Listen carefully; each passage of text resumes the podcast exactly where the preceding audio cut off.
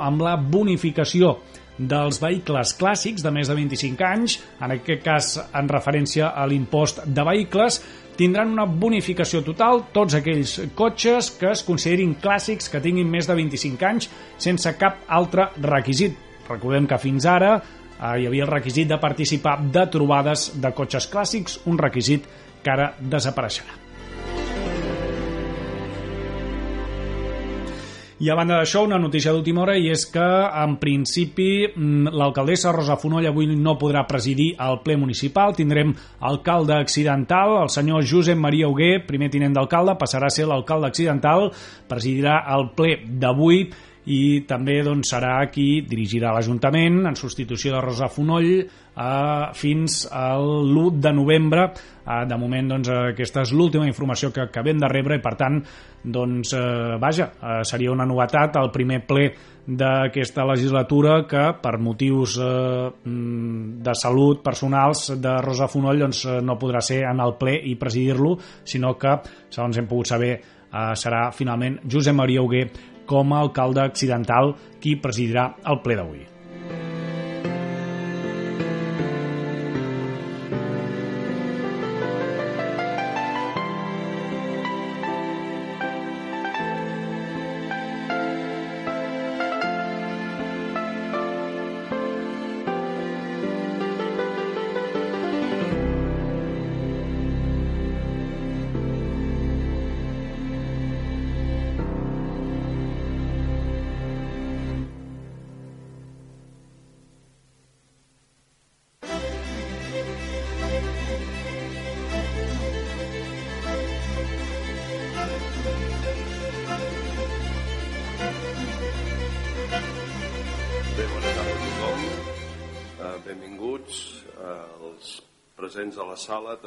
Oients de Ràdio Covelles i els televidents de Canal Blau. Donarem inici al ple extraordinari, al ple nové ple de la legislatura 2020, eh, de la- de l'any 2022, de la legislatura 2019-2023. Seguint l'ordre del dia, a la regidoria de Cultura portem a aprovació l'establiment del servei de la Biblioteca Municipal mossèn Joan Avinyó. Endavant, senyora... senyora... Endavant. Bé, doncs com ja ho te... disculpeu que no tinc gaire veu, eh? Com ja ho teniu i ja havíem parlat a la comissió informativa i ho teniu entre vosaltres, doncs és aquest establiment no? que és el pas ja previ a, a, a, a l'inici d'aquesta biblioteca, no? d'aquest servei de biblioteca. I poca cosa més es pot dir, allà s'estableix els horaris, bueno, ho teniu a, a les vostres mans, o sigui, a la manera de funcionar d'acord de com serà aquesta biblioteca i s'ha consensuat evidentment perquè mm, formem part de, formarem part d'aquesta xarxa de biblioteques eh, de la Diputació doncs s'ha fet eh, el- de la mà de la Diputació també. I també doncs, per part meva doncs, agrair sobretot a la feina que, que han fet els nostres treballadors tant de cultura com secretaria com intervenció perquè han corregut molt per poder-ho fer el més aviat possible perquè prou hem trigat a, a, a fer moltes coses i, i semblava la biblioteca una sola família però ara sembla que, que ja veu la llum d'acord? i si qualsevol cosa doncs pregunteu Gràcies, senyora Soler. Passaríem a les paraules dels grups. Senyor Monzonis, endavant. Gràcies. Bé, des de Junts per Covelles, com hem expressat en reiterades ocasions, estem a favor d'aquest nou equipament municipal, doncs eh, donem suport amb, a l'aprovació i doncs el que sí que ens agradaria també doncs, que hi hagi aquesta celeritat per poder doncs, eh, obrir no? aquest nou servei que tota la ciutadania de Covelles està esperant des de fa molt de temps i esperem doncs, que els últims passos es, es prenguin i, i puguin anar bé per, per obrir-se aviat. Gràcies. Gràcies, senyor Monzonis. Senyor Torralbo, endavant, Ciutadans. Gracias, señor Hugué. Buenas tardes a tothom. Eh, bueno, como no puede ser de otro modo, señora Soler, evidentemente nuestro voto es favorable, puesto que todos deseamos ver inaugurada la biblioteca municipal, pero entienda que no puedo obviar la gestión y algunos puntos en los que no estamos de acuerdo. Primero, llevamos un retraso bastante importante en cuanto a la apertura de la nueva biblioteca eh, y entendemos que si estas gestiones se hubieran llevado a cabo en el tiempo que requería o que se hubiera o que hubiese sido posible, eh, entendemos también que no hubiera hecho falta traer este punto a pleno extraordinario y urgente con el gasto público que esto conlleva. Y lo dice Ciudadanos, que aún estando en la oposición es el único grupo municipal que no ha hecho gasto innecesario. Incluso me atrevería a decir que es el primer grupo eh, que no ha utilizado las aportaciones de los grupos municipales para trabajar porque hasta la fecha no lo hemos considerado necesario. Evidentemente, cada grupo ha hecho lo correcto eh, y lo que ha considerado. Precisamente por este, por este motivo no podemos estar de acuerdo. Eh, además, Ciudadanos es el grupo municipal que más proyectos ha, ha traído en los plenos ordinarios, tres por cada pleno ordinario en lo que llevamos de legislación pues, de legislatura y por ello, pues eh, evidentemente no podemos estar de acuerdo con que se traiga a pleno extraordinario. Eh, si nosotros, estando en la oposición, eh, tenemos la consideración de no tener estos gastos, no lo podrían tener ustedes estando en el gobierno. Entiendo que si nosotros podemos, podría cualquiera. O es que a lo mejor trabajamos mejor. Punto número dos. Mm, se nos ha convocado la comisión informativa con 24 horas es decir, de un día para otro.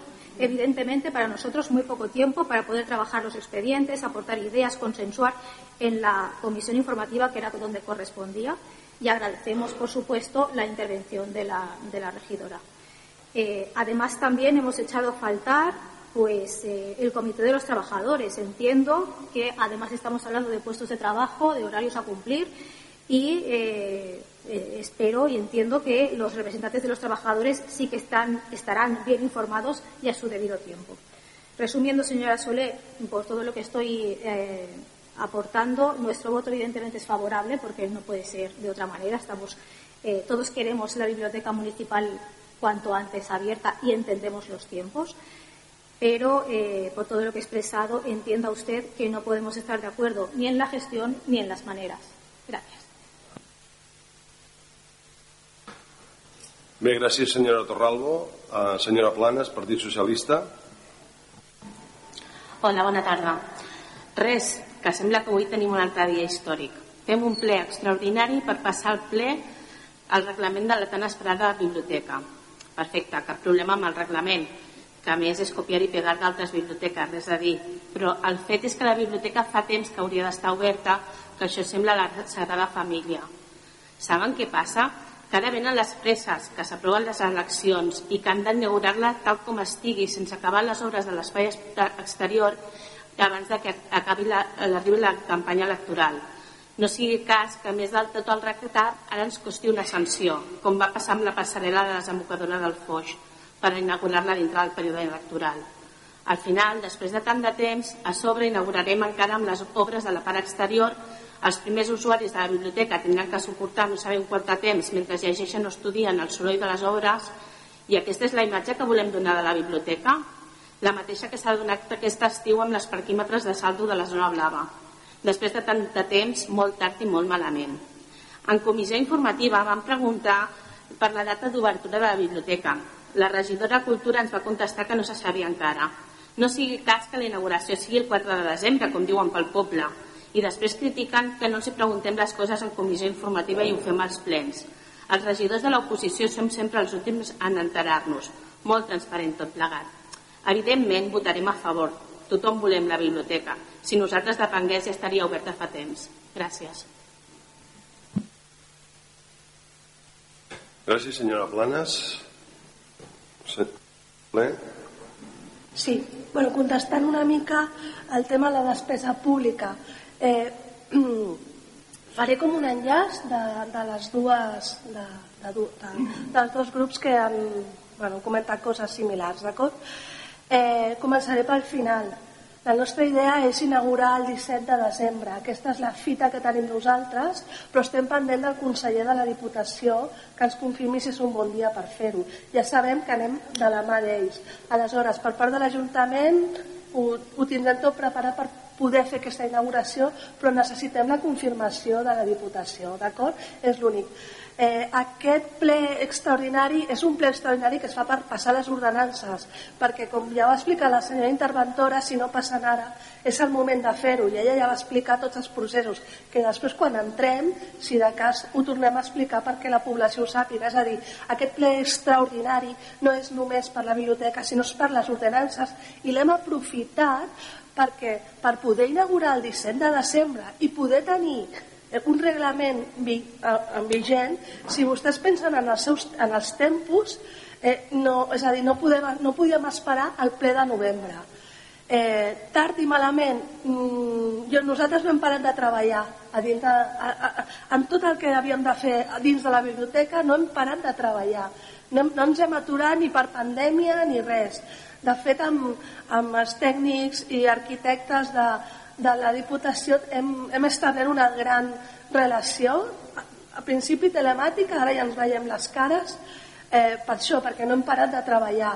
Fer una biblioteca d'aquestes dimensions és una hora faraònica, jo li diria faraònica, i jo crec que la durem a terme. Ja estem dient que com que hi va haver un problema del qual vostès són conscients perquè també participen de les meses de contractació, que ens hagués agradat fer a l'entorn a l'hora que la biblioteca saben perfectament que va haver un problema i que això no podrà ser. I aleshores doncs, que es començarà i s'arreglarà el mínim possible o, o, el, o sigui, els accessos el millor possible per poder inaugurar. La idea és aquesta, inaugurar i realment jo estic absolutament contenta de la feina, sobretot que fan a la casa, tant arquitectes com tècniques, tant de cultura, CAP i, i sobretot a serveis jurídics d'intervenció, que, insisteixo, han treballat molt per portar això a correcuita ara.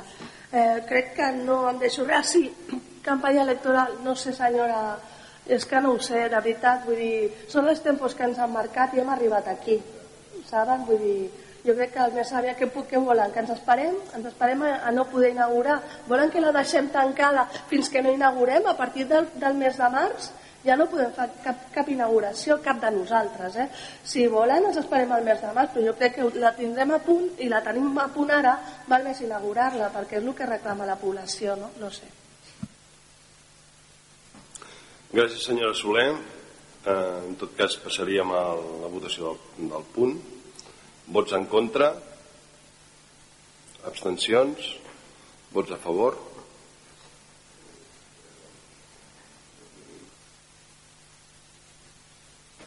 Aprovat per unanimitat. Gràcies. Passaríem a la segona part. Regió d'Hisenda, aprovació de l'ordenança general de gestió, inspecció i recaptació dels ingressos de dret públic municipal. Davant, senyor Mudarra.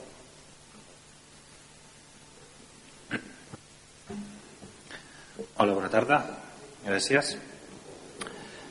Uh, bé, doncs, uh, com tenen, portem a l'aprovació l'ordenança general de gestió, inspecció i recaptació dels ingressos de dret públic del municipi de Cubelles, el, la llei general tributària i el text, text reforç de la llei reguladora d'hisendes locals possibiliten que les entitats locals adaptin l'aplicació de la normativa tributària general al règim d'organització i funcionament propi de cada entitat. Previsió aquesta que justifica la proposta d'aprovar i mantenir actualitzada amb les modificacions que s'escaiguin una ordenança general.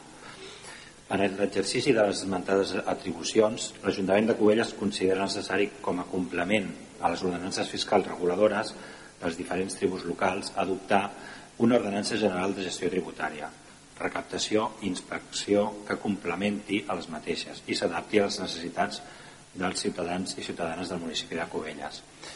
Per tant, la, la proposta d'ordenança conté essencialment un text de, redactat d'acord amb el model elaborat per la Diputació de Barcelona amb la que es pretén que la regulació de l'ordenança es centri en els aspectes específics de la matèria que resulta d'aplicació a tots els procediments tributaris de l'Ajuntament, de forma que es garanteixi la correcta gestió, inspecció i recaptació i especialment en la regulació dels fraccionaments i ajornaments de pagament.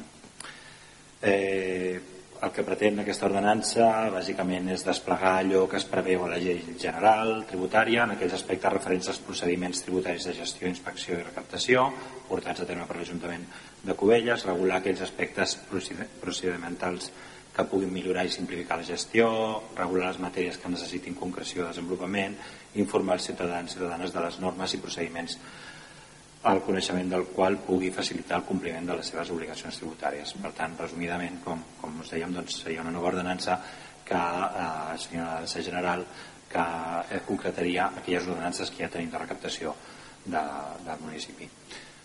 Els demanaria el seu vot a favor. Gràcies. Gràcies, senyor Mudarra. Passaríem, si hi ha alguna paraula dels grups. No hi ha cap... Senyora Torralbo, endavant. Gracias, señor Huguet. Eh, bueno, adelantar simplemente nuestro voto será favorable porque entendemos que es necesaria la aprobación de la ordenanza para favorecer eh, lo que viene en el siguiente punto. Gracias. Bé, gràcies. No hi ha cap més paraula. Passaríem a la votació. Vots en contra. Perdó. Perdó. Sí. Sí, endavant, senyor. Només per Bedó. anunciar que nosaltres també farem vot favorable. Ens agradaria que no s'hagués aprovat en un ple extraordinari, però si no hi ha més remei, doncs endavant. No hi ha més paraula. Passarem a la votació. Vots en contra, abstencions i vots a favor. Aprovat per unanimitat. Gràcies.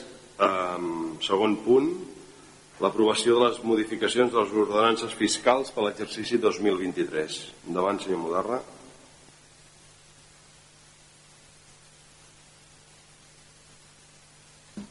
Sí, ara sí. Bé, en aquest cas doncs, podem, aportar, podem aprovar dos, dos modificacions d'ordenances. Uh, per una banda, doncs, l'ordenança fiscal número 1, la de l'impost sobre béns i immobles, el que coneixem per l'IBI, i en aquest cas, doncs, per raons d'interès generals, es fa necessària la modificació d'aquesta ordenança número 1, que regula l'impost sobre béns immobles, amb la finalitat d'adaptar l'ordenança fiscal vigent a les modificacions normatives aprovades en matèria de l'impost. Uh, aquesta proposta porta, com, com comentava, doncs, aquesta nova redacció del test de l'ordenança fiscal d'acord amb el model elaborat per la Diputació de Barcelona i per altra banda doncs, eh, s'introdueix com a aportació, com a novetat adaptar l'ordenança fiscal a les noves modificacions, a les noves bonificacions reconegudes a l'impost eh, en l'àmbit energètic. Uh, respecte a l'exercici 2022 es proposen les bonificacions uh, testatives seguidament relacionades, que són aquestes dues que comentaré. Per una banda, la bonificació del 50% de la quota íntegra de l'IBI als béns immobles en els quals s'hagin instal·lat sistemes d'autoconsum per l'aprofitament tèrmic d'energia solar, és el que coneixem com a instal·lacions solars tèrmiques, i per altra banda una bonifica- una bonificació del 5 i del 50% de la quota íntegra de l'impost en el cas d'habitatges en els quals s'hagin instal·lats sistemes fotovoltaics d'autoconsum eh, no? instal·lacions fotovoltaiques aquesta doncs, eh, bonificació la tenen detallada en els diferents casos que es poden, que es poden donar és una bonificació de, com comentava del 50% que quedaria bonificat doncs, el següent rebut de l'impost de béns immobles durant els tres exercicis eh, consecutius a la instal·lació d'aquest eh, canvi doncs, aportació de, de recollida de- d'energia solar. Eh, per la resta no hi ha cap eh, altra modificació. Com deia abans només adequació del text i per tant no es toca l'impost no s'augmenta el, els impostos amb, amb, aquesta, amb aquest sentit i simplement doncs, s'introdueix aquesta bonificació a l'ordenança. No sé si... Sí, en tot cas, mm, aprovem els dos punts junts. Sí, Sí, en el mateix punt. El mateix ordre del dia, sí. D'acord. Doncs, com estan dintre el mateix punt, doncs comento la- l'altra modificació que portem avui al ple, que és l'ordenança número 2, eh, l'impost sobre els vehicles de tracció mecànica.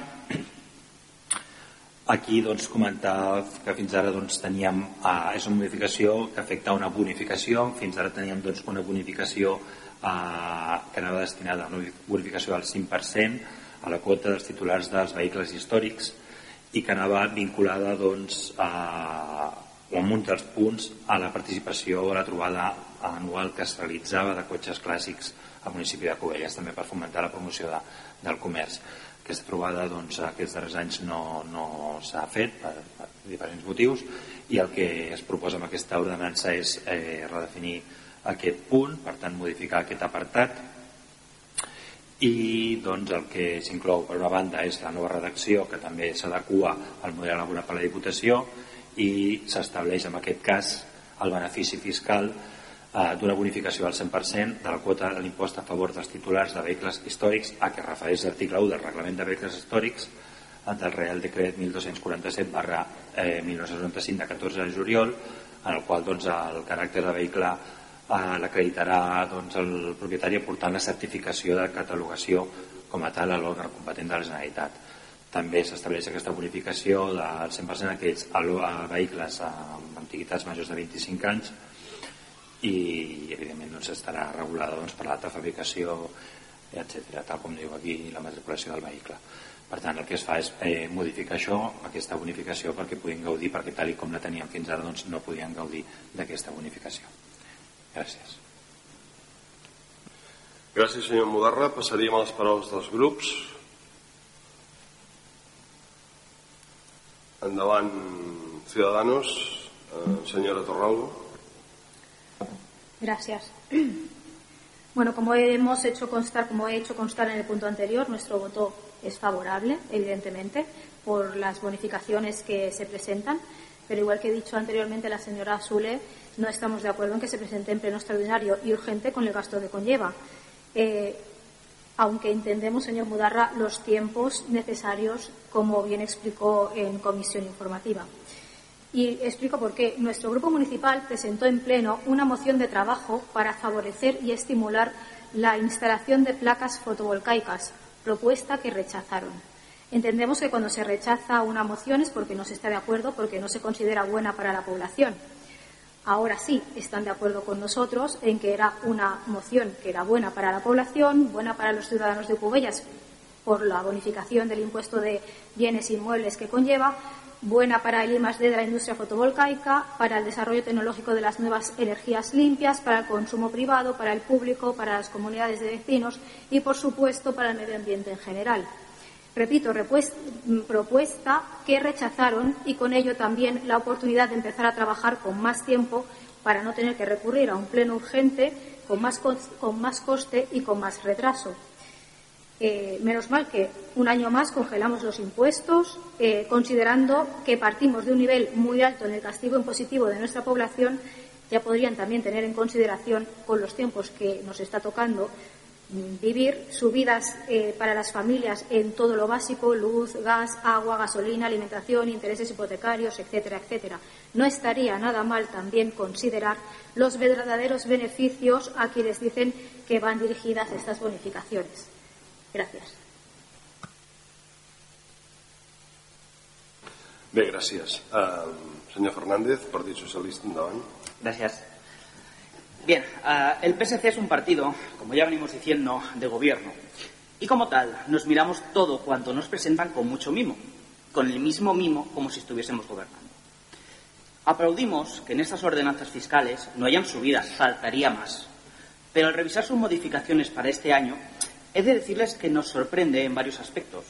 En relación a la ordenanza sobre el impuesto de vehículos de tracción mecánica, hemos podido ver que las bonificaciones que se otorgan a los vehículos reconocidos como ECO siguen teniendo una bonificación del 50%, en vez de asimilar las medidas que otros municipios de alrededor tienen ya en vigor, como por ejemplo el de San Pedro de Arribas, que le incluyen dentro de su máxima bonificación este tipo de automóviles. ¿Y por qué Cubellas no? En cuanto al IBI, aquí nos encontramos con la novedad. Por fin se añaden bonificaciones a las instalaciones de aprovechamiento térmico o solar, o lo que comúnmente conocemos como placas solares en sus distintas variables. Bien, bien, ya era hora, algo tarde, pero ha llegado. No obstante, analicemos qué es lo que se bonifica. Un 50% del recibo del IBI, ¿vale? Con una bonificación máxima de 350 euros y solo durante tres años. Es aquí donde entonces pensamos, bonificación, ¿con qué fin? Se supone que de incentivar la instalación de placas, ¿no?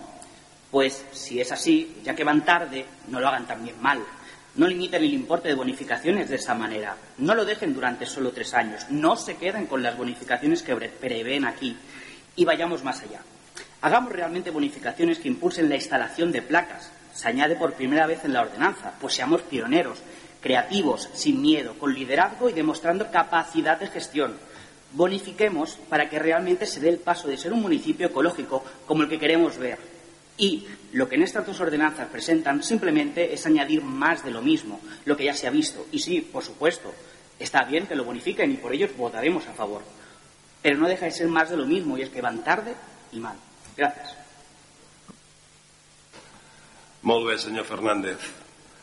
Uh, alguna paraula més? Bé, m'agradaria fer una aclaració perquè... Un momentet, sisplau. No, té, té la, la rèplica del, del regidor Mudarra.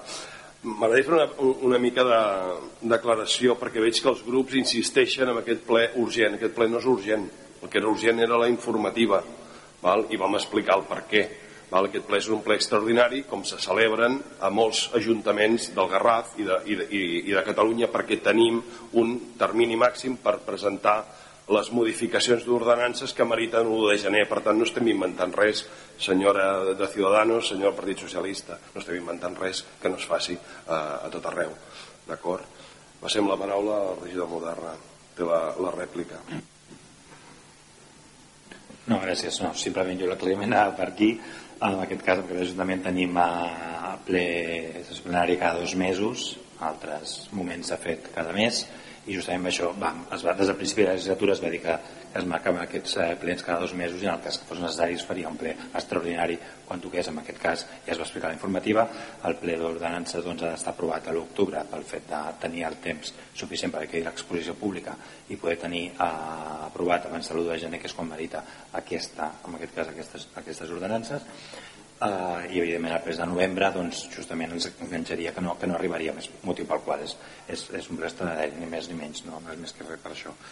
Uh, res i en tot cas eh, agrair l'aportació des de Ciutadans Uh, simplement doncs, que a vegades mm, es presenten mocions sense parlar directament amb, amb les regidories afectades per poder tractar el tema. Es porten a ple directament a aprovar aquí i també tenim el temps just a vegades per decidir què fem en aquell moment determinat, igual que vostès es queixen que tenen 24-48 hores a vegades per llegir la documentació. Pues és una mica així. I quan hi ha una proposta que afecta econòmicament un pressupost, cal valorar-la i en temps, temps i forma.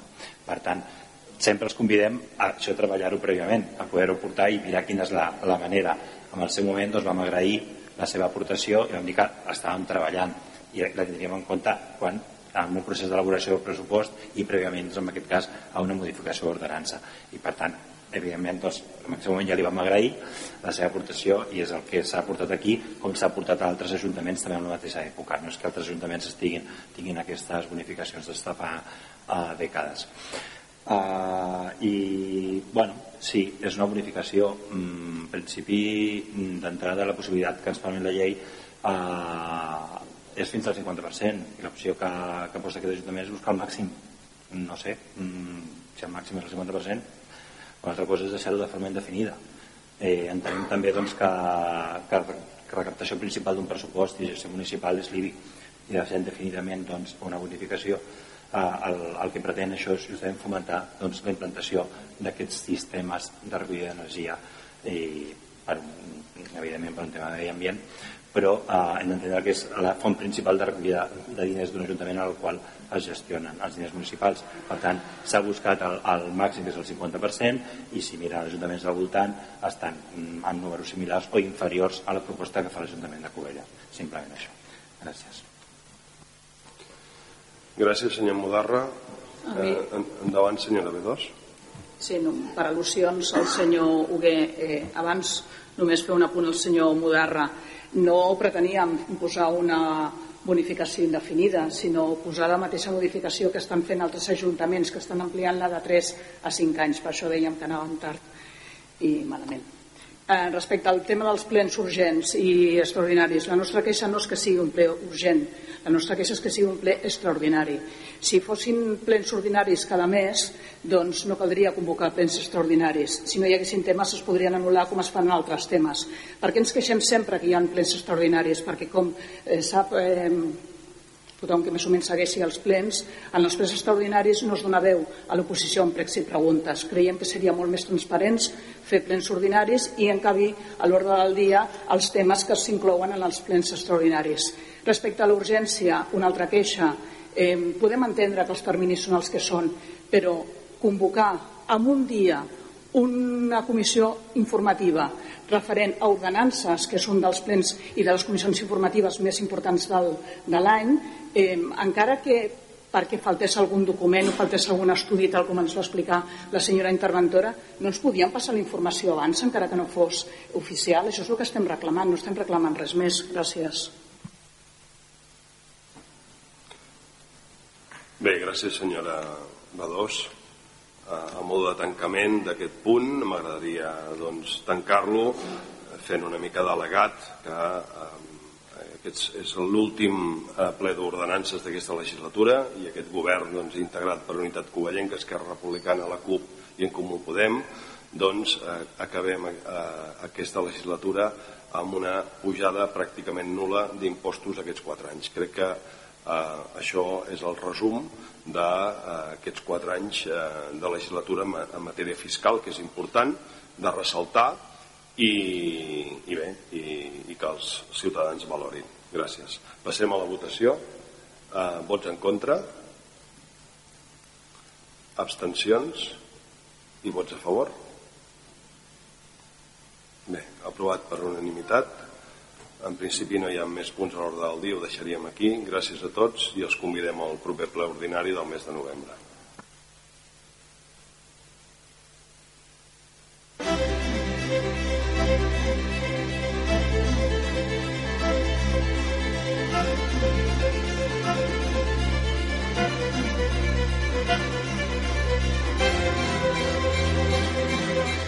I fins aquí aquest ple extraordinari d'ordenances 2023 en què també s'ha inclòs com hem pogut sentir, l'establiment del servei de la Biblioteca Municipal, un reglament necessari també per encaminar-se de cara a aquesta inauguració que la regidora de Cultura ha revelat que l'Ajuntament està treballant que sigui el 17 de desembre. Per tant, tenim el dissabte 17 de desembre ja anotat a la nostra agenda per aquesta inauguració de la nova Biblioteca Municipal mossèn Joan Avinyó.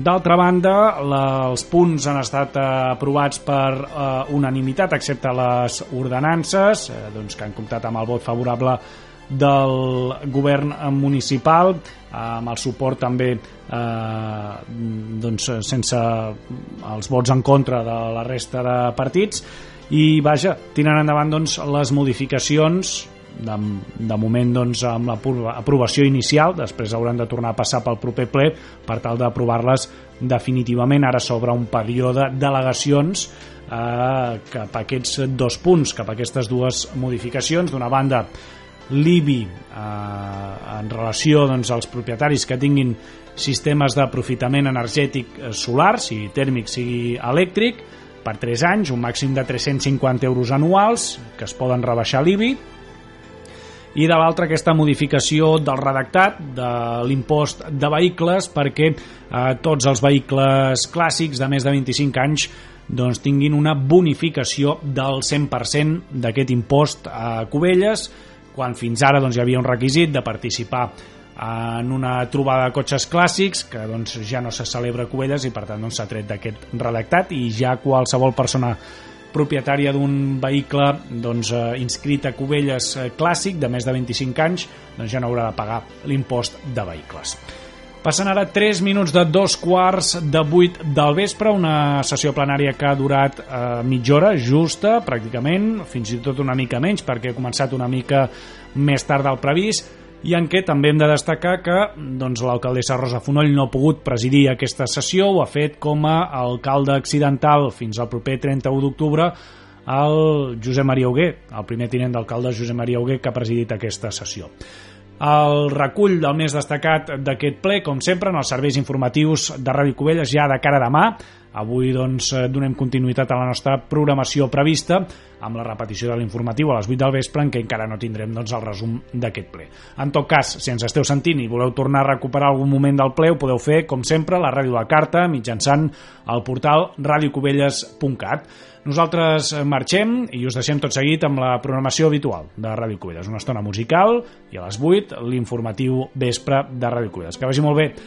Uh, bona nit.